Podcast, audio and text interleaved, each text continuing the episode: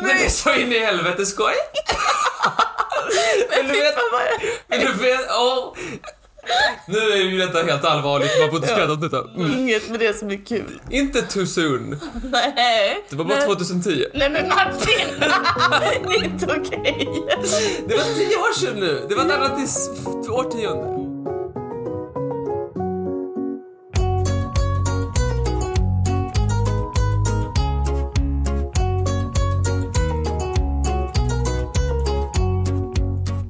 Hej och välkommen till Trivialiskt. Hej! Molly! Hej Martin! Idag börjar epok nummer två. Dos! Dos ja, som man säger. Även jag får säga. Kaxi? Kaxi. Finska. Heter det det? Ja, yksi kaksi kolme. Kan vi fler språk? Schwein. Schwein säger man väl ändå? Ein Schwein. Drei. Jag trodde du menade schwein. Schwein betyder svin. Hur mår du min vän? Eh, jo tack. Eh, 2020. Precis som du har det i syn. Det är sant. Ja, det är ett nytt årtionde. Hur, hur känns det för dig?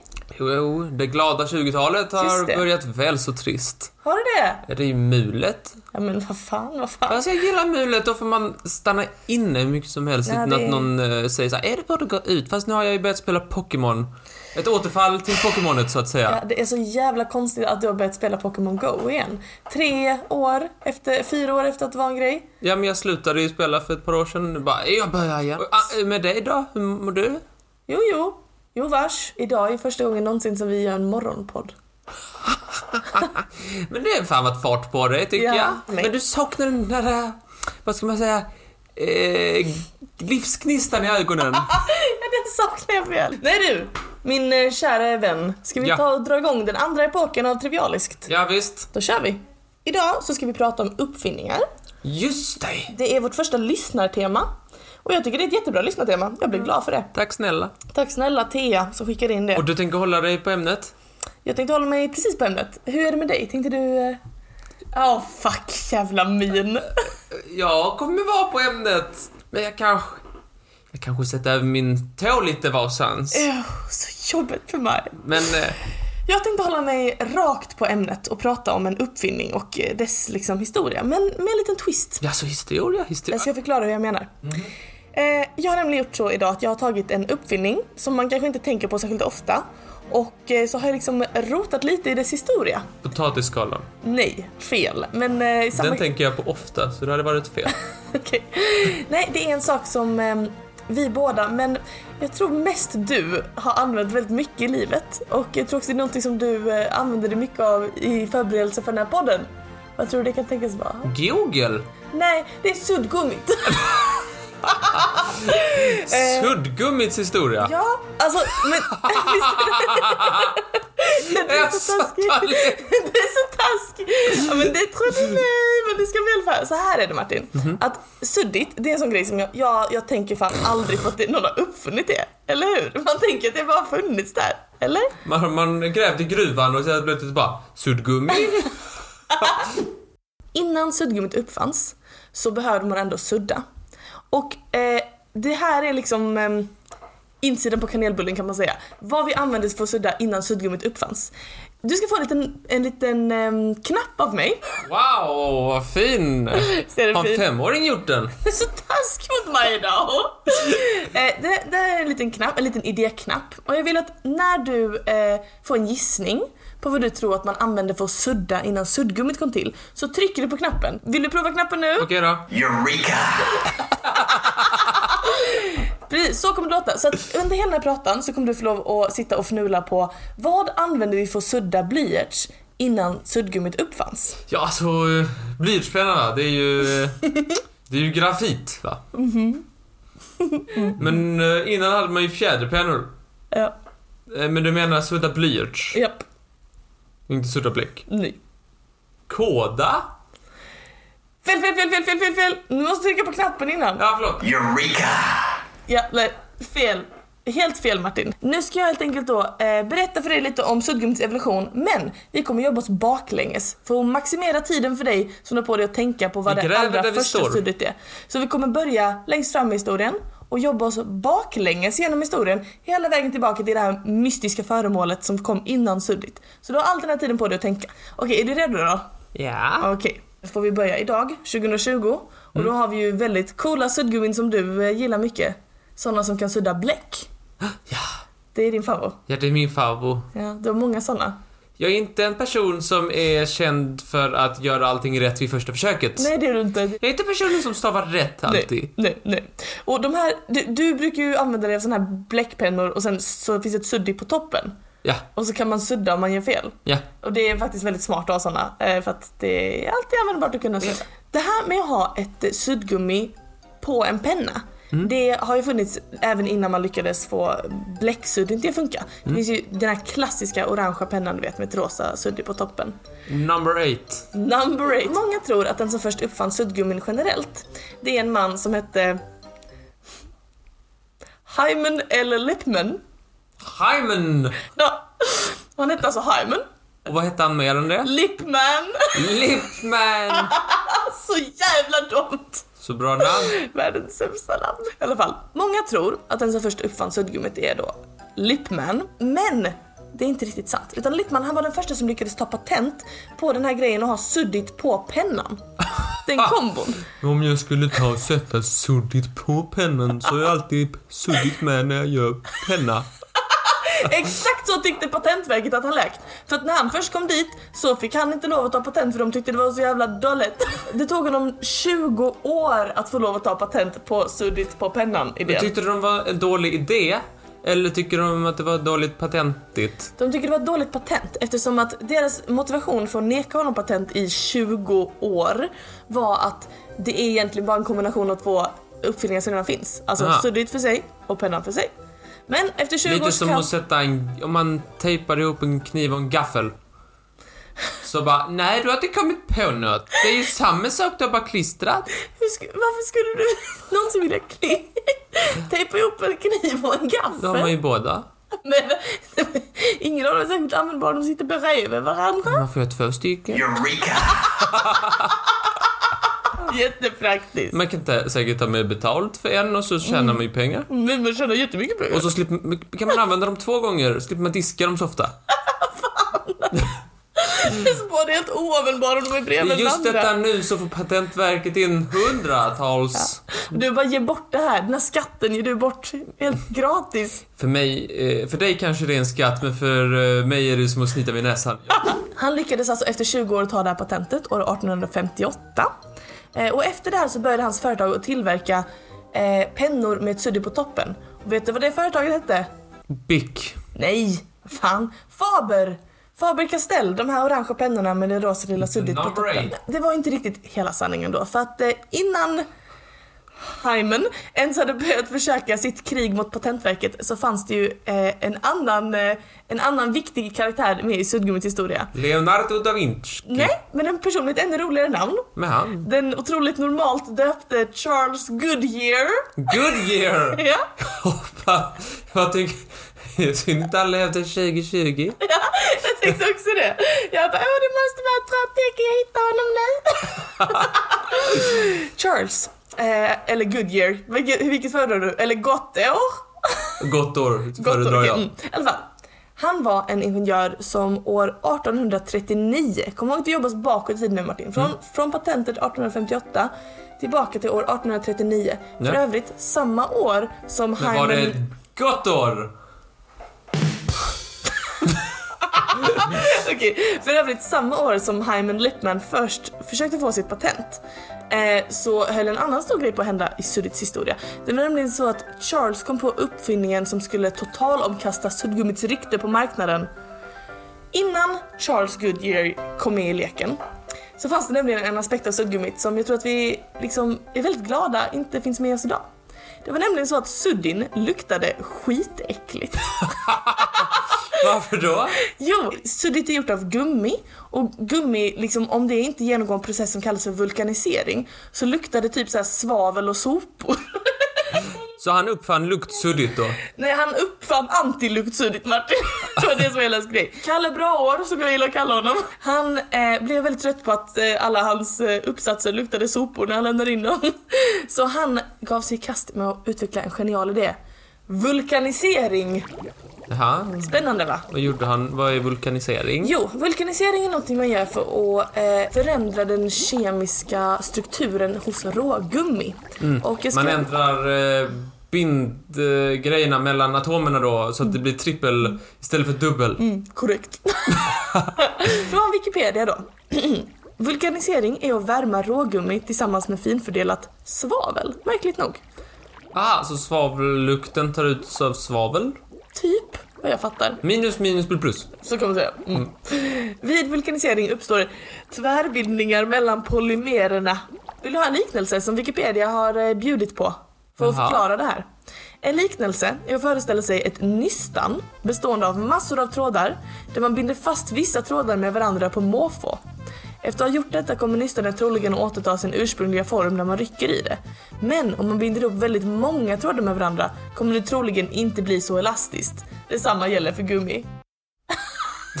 Kass liknelse! Det var riktigt dåligt. fattar väl ingenting av dig. Kalle Braår, han eh, fixar det här med att vulkanisera gummi och det är det som är så himla fett med vulkaniserat gummi. För att innan Kalle Braår fixade detta så kunde suddgummin smälta om det blev för varmt.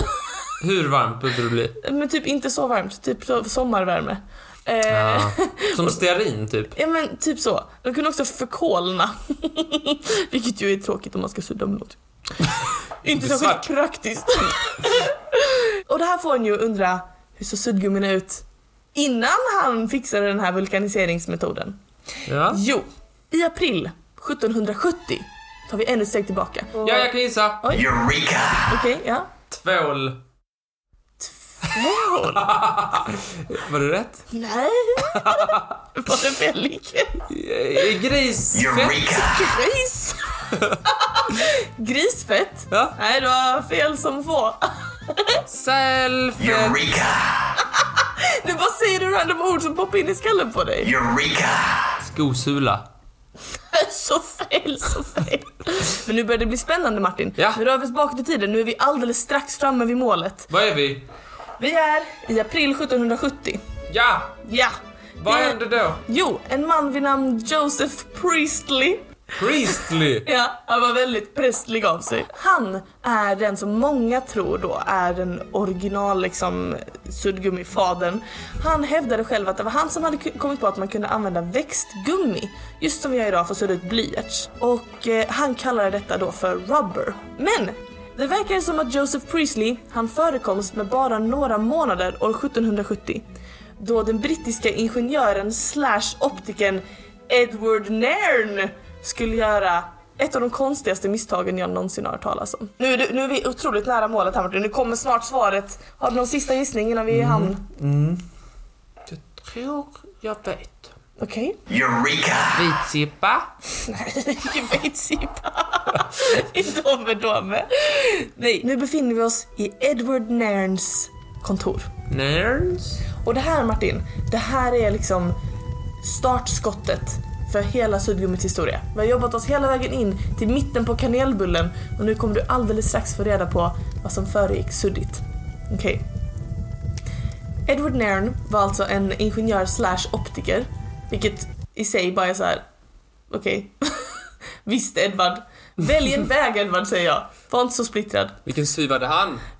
Just, just. Ehm, han satt och skrev vid sitt skrivbord och skulle just plocka upp det som man använde innan man hade suddi. Ehm, men tog fel och råkade ta en bit gummi istället som man hade lying around, fattar inte riktigt varför. Och det här är alltså startskottet i suddgummit Martin. Edvard upptäckte att gummit funkade bättre än det som man hade tänkt använda och började då sälja fyrkantiga bitar med gummi som sen började kallas rubber av Joseph Priestley som sen vulkaniserades av Kalle Braor som sen sattes på pennor av Hyman Lippman. Och då undrar du, vad kan det ha varit som Edvard egentligen sträckte sig efter den där friska morgonen 1770? Vad var det för någonting som de trodde skulle funka bättre men som blev chockade över att gummi var ännu bättre på att surra ut blyerts än? Vad tror du Martin, vad var det för någonting? Eureka! Någonting växtbaserat.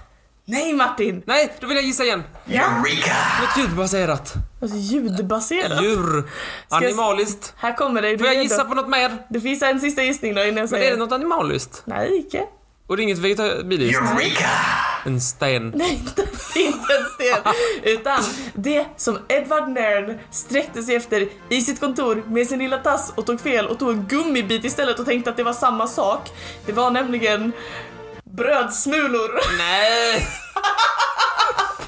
Så kast. Ja, innan vi använde suddgummin så använde vi faktiskt brödsmulor för att sudda ut våra blyertsanteckningar. Funkar det? Nej!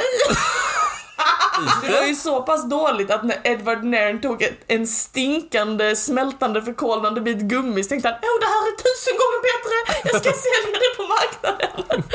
alltså det är, inte, det är det sjukaste jag någonsin hört, att man tar bröd, alltså, m- flera brödsmulor, en nypa brödsmulor och sen gnuggar in det i sitt papper för att bli av med blyertsanteckningarna. Det är helt sjukt. Men det borde ju funka lite. Ja, det funkar nog lite.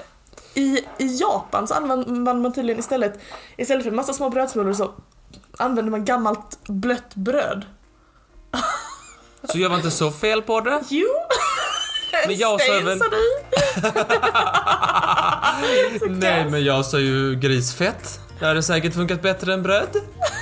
Det är ju inte samma sak! Jag bara, inte helt fel på det! Jag sa, Är det, för, är det något psykologiskt? Kan detta vara något psykologiskt att du pratar om suddig som man, som man använder för att ta bort någonting eh, som man inte blir nöjd med? Och att du har firat nyår? är det något psykologiskt där? Nej, Mikael, låt mig vara! Jag Behöver något litet sött för att pigga upp mig.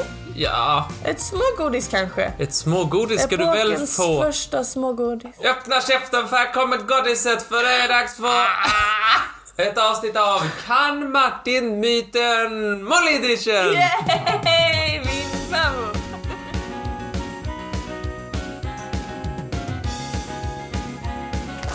Ja, Den klassiska leken kan Martin myten Molly edition som går ut på att jag kommer presentera 10 tio stycken påståenden du ska säga vilka som är falska och vilka som är sanna. Fem är sanna, fem är falska.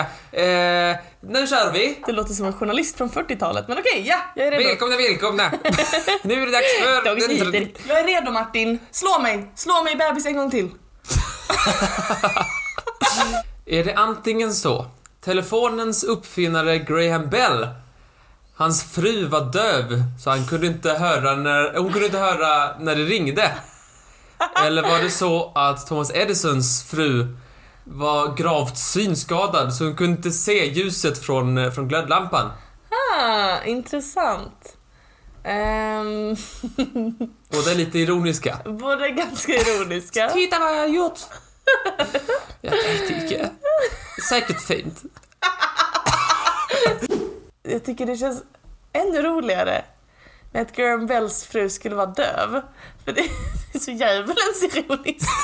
För att han kanske är såhär, jag har uppfunnit den här maskinen så jag kan ringa min fru när jag är på utlandssemester. Nej visst fan! så jag säger att den är rätt mest för det är mest skoj. Ja, det är rätt.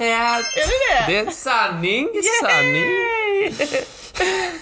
Är det antingen så? Segwayens uppfinnare dog när han skulle visa hur säker den var. Eller säkerhetsbältets uppfinnare dog när han skulle visa hur säker den var. Nej, vad fan!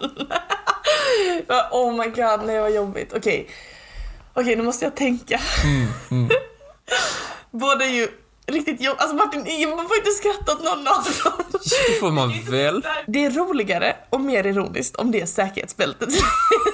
För den är ju så extremt tydligt liksom dumt i huvudet om man skulle dö. Å andra sidan så känns säkerhetsbältet mer som en sån uppfinning som liksom de var några stycken om. Alltså det känns mer som någonting som det kanske var ett team som kom på, eller ett företag till och med. Segwayen känns mer som en ingenjör. Jag tror man kan säga så här, det här är segwayens uppfinnare. Men det känns också väldigt jobbigt om han dog när han skulle visa hur säker det var. Det känns också väldigt jobbigt. Men jag tycker det känns troligare att det är segwayen som är sann. Du har rätt. ja, det, det här får man inte skratta åt. Men det är så in i helvete skoj. Men du vet, Fan, vad jag- men du vet, åh. Nu är ju detta helt allvarligt, man får inte skratta åt detta. Mm. Nej, Men så här gick det till. låt höra. Det var en klippa. Han skulle visa hur, säk- hur snabbt det gick att stanna. Så han eh, åkte mot en klippa och skulle stanna. och inför publik och tv-kameror. Nej, fy vad hemskt. Men den stannar inte Nej, tillräckligt snabbt så att säga. nej. Så han åkte ner för Så det var... Det var lite av ett misslyckande. Inget med det som är kul. Sp. Inte too soon. Nej. Det var bara nej. 2010. Nej men Martin! det är inte okej. Det var tio år sedan nu! Det var ett annat is- årtionde. Mm, det är sant. Nu går vi vidare tycker jag. Alexander den store Mm. och hans forskarlag får du läsa. Lag, ja. Ja, men jag, skri- jag läser bara Alexander den store. De ha- ha- hade en idé på att bygga en dörr som skulle leda till olika platser som i Monsters Inc. Fan, vad fan! Vad är det för jävla forskarlag? Hans forskarlag Alltså, är forskarlag. Dumbledore och Gandalf. Alltså forskarlag, och- du vet forskarlag på den tiden? ja, de var fel. Oraklet i Delphi. Oraklet i Delphi och så vidare hade lite tankar på detta. det var säkert, men det var säkert eh, Mm, Och för lik... mer information om oraklet i Delphi kan du lyssna på vårt allra första avsnitt, Magi. Eller Napoleon ville bygga en tunnel över Engelska kanalen och anfalla genom den. Över... Nej, genom, alltså under. Ja, under Engelska Napoleon eh, ville bygga en, en tunnel, alltså den så kallade Eurotunnel som finns kanalen. idag. Ja, jag tänker det. Fast 200 år för tidigt. Aha. Så att han skulle kunna anfalla britterna. Oj. Den känns ju mycket mer rimlig. Mhm. För att även om den är liksom svårgjord så är den ju fysiskt möjlig. det är inte fysiskt möjligt med en dörr som leder till massa olika platser. Antingen så vill Alexander den store hitta på en Narnia-garderob. Ja, i princip. Eller så vill eh, Napoleon hitta på Eurotunneln. Eh, Vi kan avslöja nu att ingen av dem lyckades. Nej, Så lite mer tanken på uppfinningen, mer än uppfinningen i sig. Jag förstår. Ja du, alltså. Jag skulle kunna tro på båda för att folk förr i tiden bara var dumma i huvudet. Men Nej, de var smarta! Jag svär om dig. Men det var Jag lite fantasirik. Tror... Måste säga att det är Napoleon som är sann. Är det rätt? Är det det? Succé! Ja, det är väl för dåligt. Men det- tanken på portaler har ju funnits i alla Det är tider. sant. Åh, då har jag vunnit Martin! Nej, det tror jag nökig. Det Det här är nya regler för årsskiftet. typ. Det är för januari. Tesla ville sälja en Death Ray till amerikanska staten. Okej, what the fuck? Alltså som, alltså vadå? Typ en elektrostråle som kan döda folk? Jag säger inte mer för jag fattar inte mer. Okej. Eller? Alfred Nobel tog patent på ett tvättmedel som skulle använda små doser explosivt material. Åh nej, jag kickar. Men vet du vad det sjuka är Martin? Vad det? Jag tycker mig ha hört båda de här grejerna. Är inte det konstigt? För en har du ju uppenbarligen kommit på. Det är jättekonstigt. Jag undrar varför min hjärna gör så. Det är jätteintressant. Det är lite Bader-Meinhof fast inte riktigt. Det är Okej. så här, eh, selektivt eh, uppmärksamhet och så vidare. Nej, men jag tycker mig ha hört bägge tu, men det känns ju jättekonstigt. Nu ska vi se. Nikola Tesla. Vetenskapsman. Spelades av David Bowie i Prestige. Stora öron hade han. Den, men jag har hört att, att Alfred Nobel också skulle ha pysslat med tvättmedel. Så här är det Martin, jag tror att jag har hört någon som skulle pyssla med tvättmedel. Men att du skulle ha sprängmedel i sig, det är väl så konstigt? Båda är jättekonstiga. Men jag tror nog lite mer på Nikola Tesla. Att den skulle vara sann. Är det slutgiltiga svar? Ja, det är det. Du har rätt! Fan också! Okej. Nej, jag tänkte vad fan kan man ha... Kan man, ex... kan man ha explosiva medel i sån här jävla hjärtmedicin? Kanske man kan ha det i tvättmedel? Ah, Men jag har hört att han skulle pyssla med tvättmedel. Du har- du har också fel. Ja, det är nog min hjärna som hittar på det, men det är jättespännande. Så. Åh, du har sån tur idag. Ja, jag vet. Du ska väl... Åh, nack, jag har bara den kvar. Vladimir Putin Mhm. har tagit åt sig delar av äran till att ha uppfunnit penicillinet. Nej, sicken dom! Eller Fanta uppfanns i Nazi-Tyskland. En av de här Mm. är liksom lite såhär, huh, weird. En av dem är back-ass crazy! Att Vladimir Putin skulle ta åt sig äran för Vänta lite. penicillinet. Menar du att den är lite konstig eller back as crazy? Den är back-ass crazy! Han kom Så på du menar att Putin brukar göra allting som han säger? Nej. rida på björnar och sådär, det tänker du. Men att han skulle tagit ära för Ja, pensellängnet, men det är så... så- kan man inte Nej, men- ljuga Nej, va? men det är inte rimligt. det är världens sämsta lögn. Så att jag säger att Fanta är en nassedricka. Torre! Men jag fattar inte, du, du tänker ju helt fel. Wait to start the year. Överklockan är mycket. Hon är Ska du född i inte det. gå hem? Vladimir Putin har tagit åt sig äran för jävla massa grejer. Ja men penicillinet Martin, det var ju jävla länge sedan det uppfanns. Okej, jag hade tydligen skrivit Sodastreamen från början, men jag sket i det. Ja, men jag kom på att jag nämnde Sodastreamen i början av podden. Jag har i alla fall nämnt det idag när vi har spelat in, så tänkte jag, jag kan inte säga det, det blir för obvious. Jaha, nej. Men Kan du inte snälla vara lite glad för mig? Jag har nått ett rekord, det är skitkul. Du är världens sämsta Jag förlorare. räknar hur många fax jag gav. Ehm, ja, det flög iväg allihopa här. Jävlar vad trevlig! Det är faktiskt bara 50-50, det är ingen eh, bedrift att man vinner. Vet du vad? Jag tror jag vet vad som brukar pigga upp dig när du är på det här humöret. Du behöver lite smågodis. Smågodis, smågodis. Jag gillar inte ens godis. Åh, vilken lögn! jag tänkte jag skulle pigga upp dig genom ett av dina favoritsmågodis. Det är dags för en topplista Martin. Du vet när man uppfinner någonting. Om du skulle uppfinna någonting, bara off the top of your head, vad skulle du uppfinna? Eh, ont i magen medicin. Ont i magen-medicin. Okej, så du har uppfunnit ont i magen-medicin. Starkt jobbat. Tack. Vad är det första du ska göra nu när du- du sitter och har en uppfinning hemma och tänker wow, här kan jag tjäna storkovan. Men vad är det första du måste tänka på? Se till att folk har ont i magen. Nej, din dom. Nej men jag, tycker, jag tänker ofta på det, att tänk vad, vad händer med alla uppfinningar, eller så här, som är så före sin tid att problemet som, går, som ska lösas inte finns ännu. Typ, vad menar du? Typ vilka då? Nej men den som, den som kom på mikrovågsugnen Ja. på medeltiden och de bara Men Gregor, Gregor, Gregor, jag har ju inte kommit på elektriciteten än, säger de. Och han bara, men jag är säker på att den funkar. Så kast. Men folk har ju ont i magen.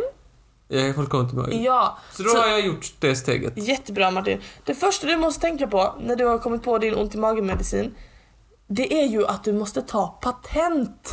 Just det, Du måste ju ta patienten ja. patentjänten. Och vad betyder patent Martin? Vet du det? Det betyder ett... Eh, eh, det är väl ett litet kvitto på att jag har kommit på det jag har kommit på och har ensamrätt att ko- och göra det som jag har kommit på. Just precis. Det är liksom ett bevis på att det är du som är uppfinnaren kan man säga. Ja. Och här i Sverige så har vi ju Patentverket som man kan gå till med sina uppfinningar. Hot tip till alla amatöruppfinnare där ute.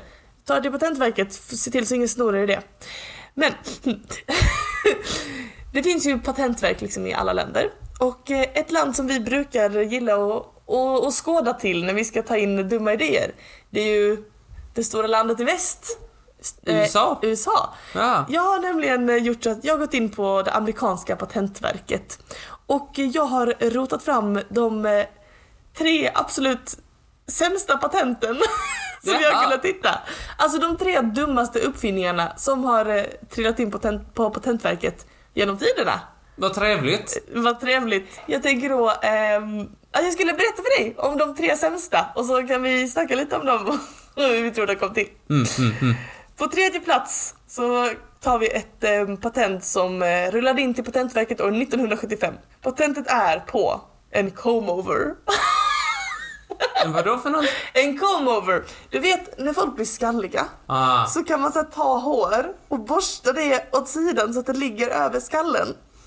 Och så är det någon som har försökt ta patent på det.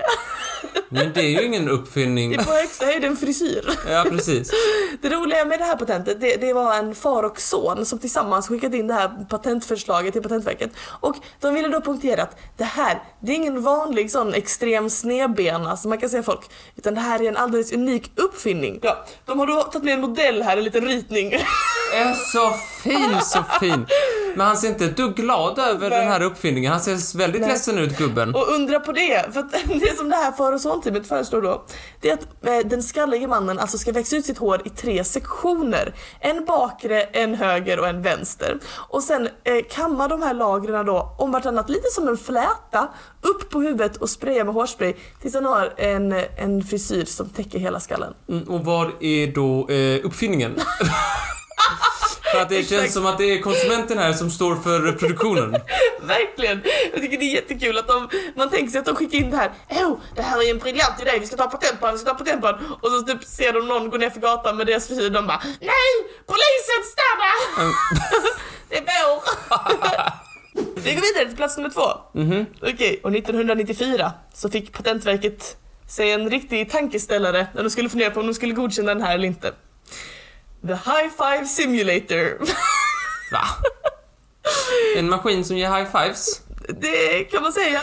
Är inte det dummaste jag sett? Ja, Men lägg av Den Martin. har ju många användningsområden. Typ vad? Man kan sätta den, eh, man kan vända den 90 grader och så kan den klappa en på huvudet. När, ska, när, när, du- när du har gjort något bra Ja. så trycker du på knappen och så får Jo, jag känner jag behöver lite bekräftelse här. Tryck på hu- knappen, ö, klappar de mig på huvudet. du en high five. är ganska hård. Nej men huvud, man, axelklapp, det är väl typ så här Och även psykologiskt knä och tå. huvud. Axla knät, ja. Så det- han som har kommit på den här uppfinningen, han, han, han hade liksom en alldeles speciell twist i åtanke. För när jag ser den tänker jag bara, det här är en, det här är en ensam man som har uppfunnit den här. Han sitter hemma och bara typ drar en ordvits och så bara, ah, zing! Maskinen! Jag är Marianne Five! Men uppfinnaren till den här fantastiska apparaten, han hade en ännu bättre idé i åtanke. Han menar att den här apparaten främst skulle användas så här. Väldigt många fans som tittar på sport, till exempel amerikansk fotboll, de blir så glada när deras favoritatlet eh, atlet lyckas att de skulle vilja ge den personen en high five. Men så kan de ju inte det för att han är ju i TVn, han är så liten, hur skulle det gå till? Så då ska man alltså gjuta ett handavtryck av sin favoritatlet, sätta fast den på high five-maskinen och sen kunde då Säg att jag, ka- du vet hur jag brukar ropa när jag kastar något i en soptunna? Så brukar jag ropa så, Jordan! Som är Michael Jordan. Ja. Då skulle jag alltså kunna gjuta av Michael Jordans hand, skapa mig en high five-maskin, kasta något i soptunnan och om jag träffar säga Jordan! Och sen ge Michael Jordans handkopia en high five. Jag hade nog köpt det. Det är så skoj. Men skulle det gå till? Nej men man har den där så, du skulle ha den där Vadå, bredvid som soffan. en eh, möbel? Skulle den sitta fast på väggen typ? Jag tänker det. Kunde man ställa in olika hårdhetsgrader liksom så att det finns såhär svinhård eller om man vill ha såhär lätt såhär. Eller kanske du skulle förbättra. Nej, alla vet att det är en sån brofist man ska ge. Fast då blir det ju en slagarmaskin. Ja, det är inget bra! Då kanske man får sig en rak höger. Men det kan också behövas. Om man är lite morgontrött till exempel. Vem kan det vara? Vem skulle det kunna vara? Så kan man känna såhär, åh jag skulle behöva en rak höger för att vakna. Ja, Jag skulle kunna använda den typ idag. Okej, på första plats. alltså förbered dig på något sjukt. Okej, och 1999 så kom en uppfinning in till Patentverket. En uppfinning som heter... Den kallas då, av själva uppfinnaren, för en Pet Display Vest. Nu vill jag att du tänker riktigt noga på vad det här kan vara för någonting. En pet vadå? Pet Display Vest. Är det någonting som har med husdjur att göra? Ja det är det Martin, det är det absolut. Det här är då en väst. Där små hamstrar ska kunna krypa omkring. Nej, vad äckligt, så äckligt. Det är en väst med genomskinliga rör som man kan sätta på sig. Och så kan det krypa små djur i den och så kan man gå omkring och visa upp dem. Är inte det helt Men sjukt? har hamstrarna gett sitt medtycke för att gå omkring i olika rör runt en människa? Uppvisade på det viset. Det känns väldigt ovärdigt Tina. Det var sådana långa rör runt hela kroppen. Så går man så ute på stan, snacka om ett bra sätt och direkt bli mobbad i högstadiet. Är det inte lite som så här guldfiskar i skorna fast åt f- jättefel håll? Det är jätte, jätte, jätte fail håll. Jag tänker, har någon betalat pengar alltså för att den här idén ska patentläggas så att säga? Tänk, tänk om någon ska stjäla den, tänker de. Ja, Tänk om någon skulle stjäla den här fantastiska idén. lika bra patentsäkrar han. Det här geniet som har skickat in det här förslaget, han skriver så här. Either article of clothing could accommodate many different small animals, such as mice, hamsters, gerbils, snakes, Snakes! and possibly even insects. Åh, så äckligt! Men då säger jag så här, min, min gode man, den som uppfunnit detta, för jag gissar att det är en man. Om du skulle kasta in möss, hamstrar, ökenråttor, ormar och insekter i samma väst så tror jag att de flesta skulle dö. Förutom ormen. Förutom ormen. Men det var mina tre absolut dummaste patent. Ja, det var jävla dumt. Tack för att du lyssnade. Varsågod. Varsågod. Okej. Åh, vad var det som hände här Martin? Ja. I klassisk trivialisk anda så fuckade vi upp. Från och med detta så börjar din mick att eh, låta som eh, maracas i en torktumlare. Nu är vi typ en vecka plus eh, dagar senare och jag ska säga till dig vad jag sa för en vecka sedan. Ja. Fast det, kom in, det fick ju ingen höra, så jag får säga det en gång till. Jag har ändå glömt allt så att det är lugnt. Ja, så vi är från framtiden nu, vilket är ironiskt för jag ska prata lite om hur man gör en tidsmaskin. Wow! Ja, du, är, du sitter där trångsynt och bara öh, snacka om uppfinningar som gjordes f- i förtiden. Men ja, jag tänker utanför boxen och tänker framtida eh, uppfinningar. Hur skulle en tidsmaskin kunna fungera? Ah, hur det skulle kunna uppfinnas. Ja, precis, för det är Och dagens ämne. Skohorna in oss lite på temat. Jag tycker ändå det är på ämnet. Ja, absolut. För det första, att resa i tiden finns redan. Men de finns redan. Jo, för att om vi inte reste i tiden så skulle vi bara stå här som fiskpinnar och inte röra oss. Jag tänker så. Vi, Tiden, klockan går ju liksom. klockan går, så vi reser med tiden kan man säga. Vi reser i tiden. Okej. Ja, jag kommer att presentera ett par idéer eller tankar och sådär om hur det skulle kunna genomföras. Eh, men för att kunna eh, presentera dessa teorier för dig så måste jag ju banka lite vett i ditt dumma huvud Oj. och berätta lite om hur tid verkligen fungerar. Okej. Och då har jag tagit med mig Abbe Ensten. Abbe Ah, en sten alltså, Albert Einstein. Ja, Ah, ja. för vi behöver han och hans relativitetsteori. Och den säger folk är så svår, men den är så enkel så enkel. Jag, så lite. jag har googlat, jag har varit på typ två sidor och jag har full koll. Alltså? Ha- Alltså han snackar om så här, om tiden va? Mm-hmm, Att tid är liksom någonting som inte är samma överallt och för alla och när som helst och sådär utan det är liksom så här. Det beror på, säger Tiden är han relativ. relativt. Han säger så här, man frågar så här, "Eh, vad är tiden? Och han bara, "Pff, det beror på. Säger han. Han gör alltid det Säger han så? ljudet innan, så här, "Pff, det beror på. Jag tänker då förklara detta. Hur kan tid bros på liksom? Hur kan det vara Du relativ? kan inte vara relativt. Vi föreställer oss två platser. Okej, vänta, vänta. Vi, okej, jag här ja. borta. Här är hej, du. Martin, hej Martin! Oj, Hej. där, där var du ja. Hej! Yes, precis. Ja, här, här går tiden i en viss hastighet. Okej. Så här, här är tiden en viss hastighet, säger jag när jag är i den här platsen. Okej. Nu går jag över hit bort. Vänta, går jag... Där, nu är jag här borta. Oj, hjälp! Gud vad du skräms. Hej Martin! Nu är jag här borta. Ja. Och här borta eh, går tiden dubbelt så snabbt. Dubbelt så snabbt, okej. Jag är med. Eh, Då är du med så här långt. Grejen är att när jag är här borta Mm. så känns det exakt likadant som när jag är där borta. Mhm. Det känns inte som att jag går som typ Alvin och gänget, eller att jag pratar som i Alvin och gänget och jag typ så här går som... den En här- Duracellkanin? Eh, Precis. Jag, är liksom, det, är ingenting, det känns inte som det går snabbare. Nej. Och det är för att det är inte bara liksom has, eller liksom, det är inte bara rörelser som går vid en viss hastighet utan alla så här äh, kemikalier och grejer i huvudet, alla kemiska processer. De går också liksom... De, de- rör sig i samma hastighet. Ja, de blir också snabbare så att det känns samma sak. Och där borta, vänta nu går jag tillbaka hit. Mm.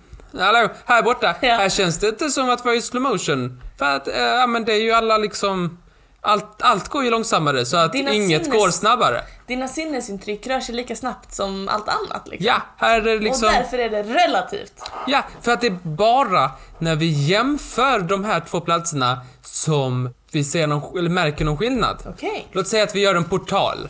Okej? Nu är vi i en portal här, vi kan se genom portalen. Du kan ställa dig där det är snabbt så Okej, kan jag ställa bort. jag, jag springer dit då. Hallå Martin! Hej. Hej. Okej, nu är du dubbelt så snabb som mig och, och jag är hälften så snabb som dig då. Okej, så om du skulle höra mig prata så skulle jag låta så här ungefär. Och sen kom spontan, där nu när jag pratar så kan styret bli jättesnabbt så det låter jätte- jätte- jättefrustrerande, så att det är en ganska normal takt. Så det är normalt. Ja, då säger jag, "Åh, jag hänger inte med, du pratar så snabbt. Uh-huh. Men för dig känns det helt normalt och för mig så känns det snabbt i och med att det är relativt. Just det. Och när jag hör dig prata, hur låter det då? Där då pratar jag så här ungefär. Det, nu går det... Nu låter det jag är jättelångsam för dig för det kommer vi visa i Åh, snabba på dig din dame, dame! Ja, så det är så det funkar. Mm. Liksom, det är bara när vi jämför som det blir liksom tydligt. Okej, intressant. Hur kan vi då använda oss av detta för att kunna resa i tiden? Ja. Jo, låt oss säga Mm. att jag, låt säga att jag, eh, jag pinnar över till dig och så stannar jag där i ett år. Okej? Och sen pinnar jag över till mig. Ska vi umgås i ett helt år med varann? Ja, jag tycker det Mhm. Nej, är lagom. Sen går jag över här. Ja. Och då har det ju gått... Det som för mig kändes för ett år, det är ju bara ett halvår. Just det, just det. Så att eh, du har bara fått en halvårsmängd post på brevlådan när du kommer tillbaka? Ja, fast jag var borta ett helt år. Jaha.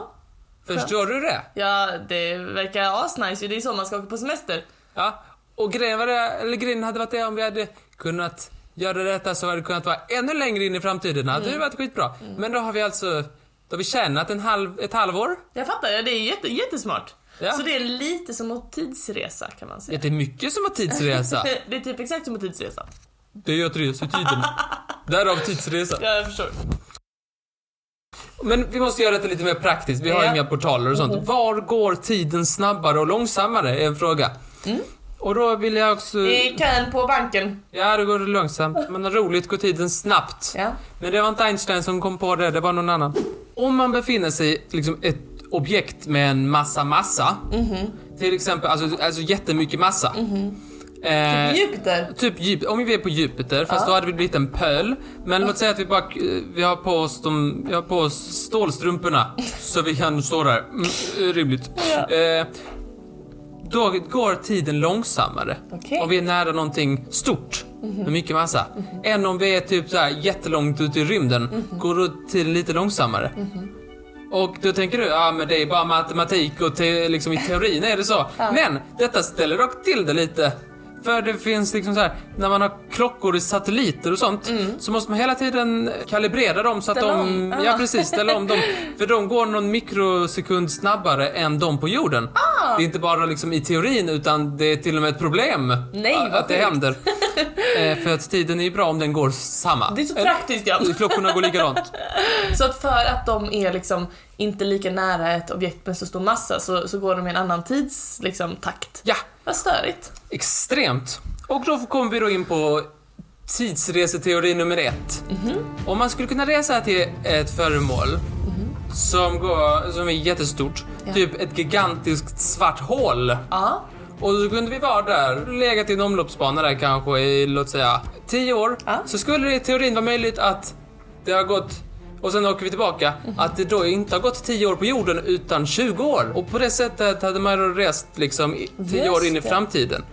Coolt. Och, eh, problemet med den här teorin är att den är all- alldeles för ineffektiv. Varför mm. offra 10 år i sitt liv? Verkligen, ja. Verkligen. Det känns jättetråkigt att bara haha, jag ska resa i tiden och så kommer man tillbaka och så bara Jaha, nej mina föräldrar har dött och min partner har lämnat mig och eh, ja, här står jag. Och jag har bara sett jättemånga säsonger av eh, Friends om och om igen. Usch vad hemskt. Nej tack. Nej, så den är lite... Den är möjlig, men det är inte så lockande. Nej. Nej. Eh, då, men då har Einstein, han har pi- pillat lite på en till teori om när tid går olika snabbt. Nämligen om man rör sig snabbt, va? Snabbt. Han menar att man kan springa ikapp framtiden. Nej, nej, inte det. Nej, utan och, saker som färdas snabbt. Där går tiden lite, lite långsammare än om man står stilla. Okej. Det är därför Usain Bolt ser så fräsch ut. Han har inte åldrats menar du? Ja. Alltså, han springer ifrån åldrandet. Och den som kunde det. Ja, och detta har man också kunnat bevisa genom att man har satt såna atomklockor i jetplan och så har de gått omkring och gjort så här åttor på himlen. Det är där så fint, säger de. Och då säger de på Na- NASA som står på marken, så här, åh så fint, du är duktig, upp på kilen, säger de. Jag fattar ingenting om det du precis sa. Vad menar du? Man har bevisat detta, det var det jag skulle komma fram till. Jaha. Att man har satt atomklockor i jetplan som har fått eh, åka runt lite och göra åttor. Och sen efteråt jämförde man dem med klockor som hade varit på jorden hela tiden. Och då låg jetplanens klockor före. Nej, vad sjukt. Ja. Så spännande. Så att eh, därför blir man lite yngre om man bara åker omkring hela tiden. Ah, så det är därför du eh, alltid åker på såna här eh, lime och voi och grejer för att du ska kunna snabbt som fan åka iväg åldrandet. Ja, jag, jag snabbar lite av den där eh, fräschheten. Just det, just det. Du strävar efter, efter den. Ja. Det är därför du åker i sån ilfart. Ja. Och då kommer vi då osökt till teori nummer två, vilket bygger på den här eh, naturlagen. Genom att, liksom, att man skulle kunna hitta något som färdas sketa snabbt. Alltså riktigt, riktigt, riktigt snabbt. Typ vadå? Typ ett, ett tåg. Då, Eller, eller en linbana. Räcker det med så snabbt? Nej, inte ett sånt, alltså inte ett vanligt tåg. Det Nej, var ett nej, eh, nej. supersnabbt tåg. Men alltså approximalt närmandes ljusets hastighet. Ja, jag har skrivit 99,99% av ljusets hastighet. Ja, ja, men alltså någonting som är så nära vi kan komma ljusets hastighet menar Ja, du? precis. Och liksom, då skulle det liksom så här kunna vara så att kanske, nu är det ju bara spekulationer här, men låt säga att en dag på det här tåget som bara åker runt, runt, runt hela jorden jättesnabbt hela tiden. En dag på tåget skulle vara kanske ett helt år på jorden. Oj, wow. Så att man bara kommer ut där och bara tjo, ett år har gått. Åh nej, ja, nu har min mobilabonnemang och- och- åkt ut. Okej, ja, nej, men jag fattar. Mm. Den är ändå Nu så rimlig. behöver jag inte betala i 24 månader. Den är rimlig. Men Va? det, det är ju inte mycket lönt att kunna åka framåt i tiden om man inte också kan åka tillbaka i tiden. Nej, man kan inte resa tillbaka i tiden. Det går inte. Nej, nej, inget... Inget eh, Hermione... Ingen eh, sån här... Ingen tid vänder ur. ingen tidvändare. Det kommer inte finnas. Eh, Det finns ju lite eh, problem med det. Liksom så här. Nej, men du vet att... Om jag kunde resa tillbaka till tiden så kunde jag ju hindra mig från, själv från att resa i tiden. Mm, exakt. Ah, gud, logiska eh, paradoxer. Det går ju inte. Nej. Då behöver man ett maskhål. Men Ja. vi har ju ingen mask. Alltså, Åh nej, det är så trött, så trött. och vi hade ju då fått... Eh, hade man kunnat resa bakåt i tiden Ja. Hade vi inte fått en massa besök av framtidsmänniskor nu? Det är det jag känner också. Jag minns att jag har hört talas om att det var någon forskare, om det var Stephen Hawking eller om det var någon annan forskare, så här scientist, som, som hade en tidsresarfest. Där han eh, liksom, de, ha- där han liksom dekorerade, hade massa bloggar som var det så här tidsresarfest. Och sen efter det att han hade hållit festen så skickade han ut eh, inbjudningarna. För att bara de som, skulle, som faktiskt kan resa i tiden skulle ju då kunna veta att det pågick liksom, och skulle inte få några phonies. Och det var ingen som kom på den, så han satt där själv. Sin tidsresarfest. Mm. Eh, Så att, och de, liksom, de finns fortfarande kvar, typ så, här, så att om man någon gång i framtiden upptäcker tid så ska det finnas, liksom, de inbjudningarna ska finnas. Och så ska folk då ha kunnat komma och hälsa på honom. Det borde de ha gjort då om det någon gång skulle ha uppfunnits. sånt där grejer, det gör kanelbullar av hjärnan på Ja, mig. det är ont i hjärnan för mig.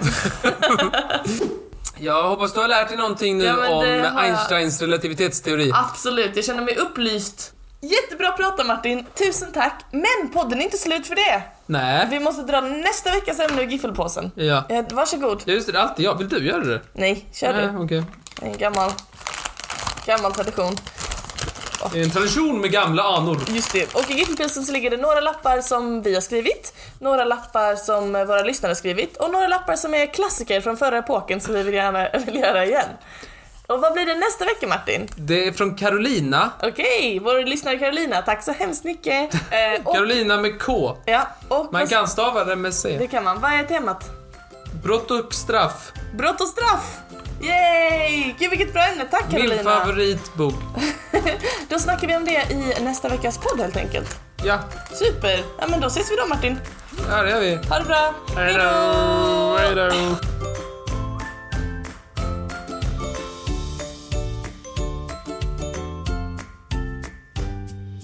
Shoutout till Molly mamma. Shoutout till Molly mamma, hon är god. Fick du något trevligt? Jag fick en massa godis, folk känner ju mig. Ja, de gillar ju det godis ja. Japp, japp, japp. Och jag fick ju vin, folk känner ju mig. Var det win-win?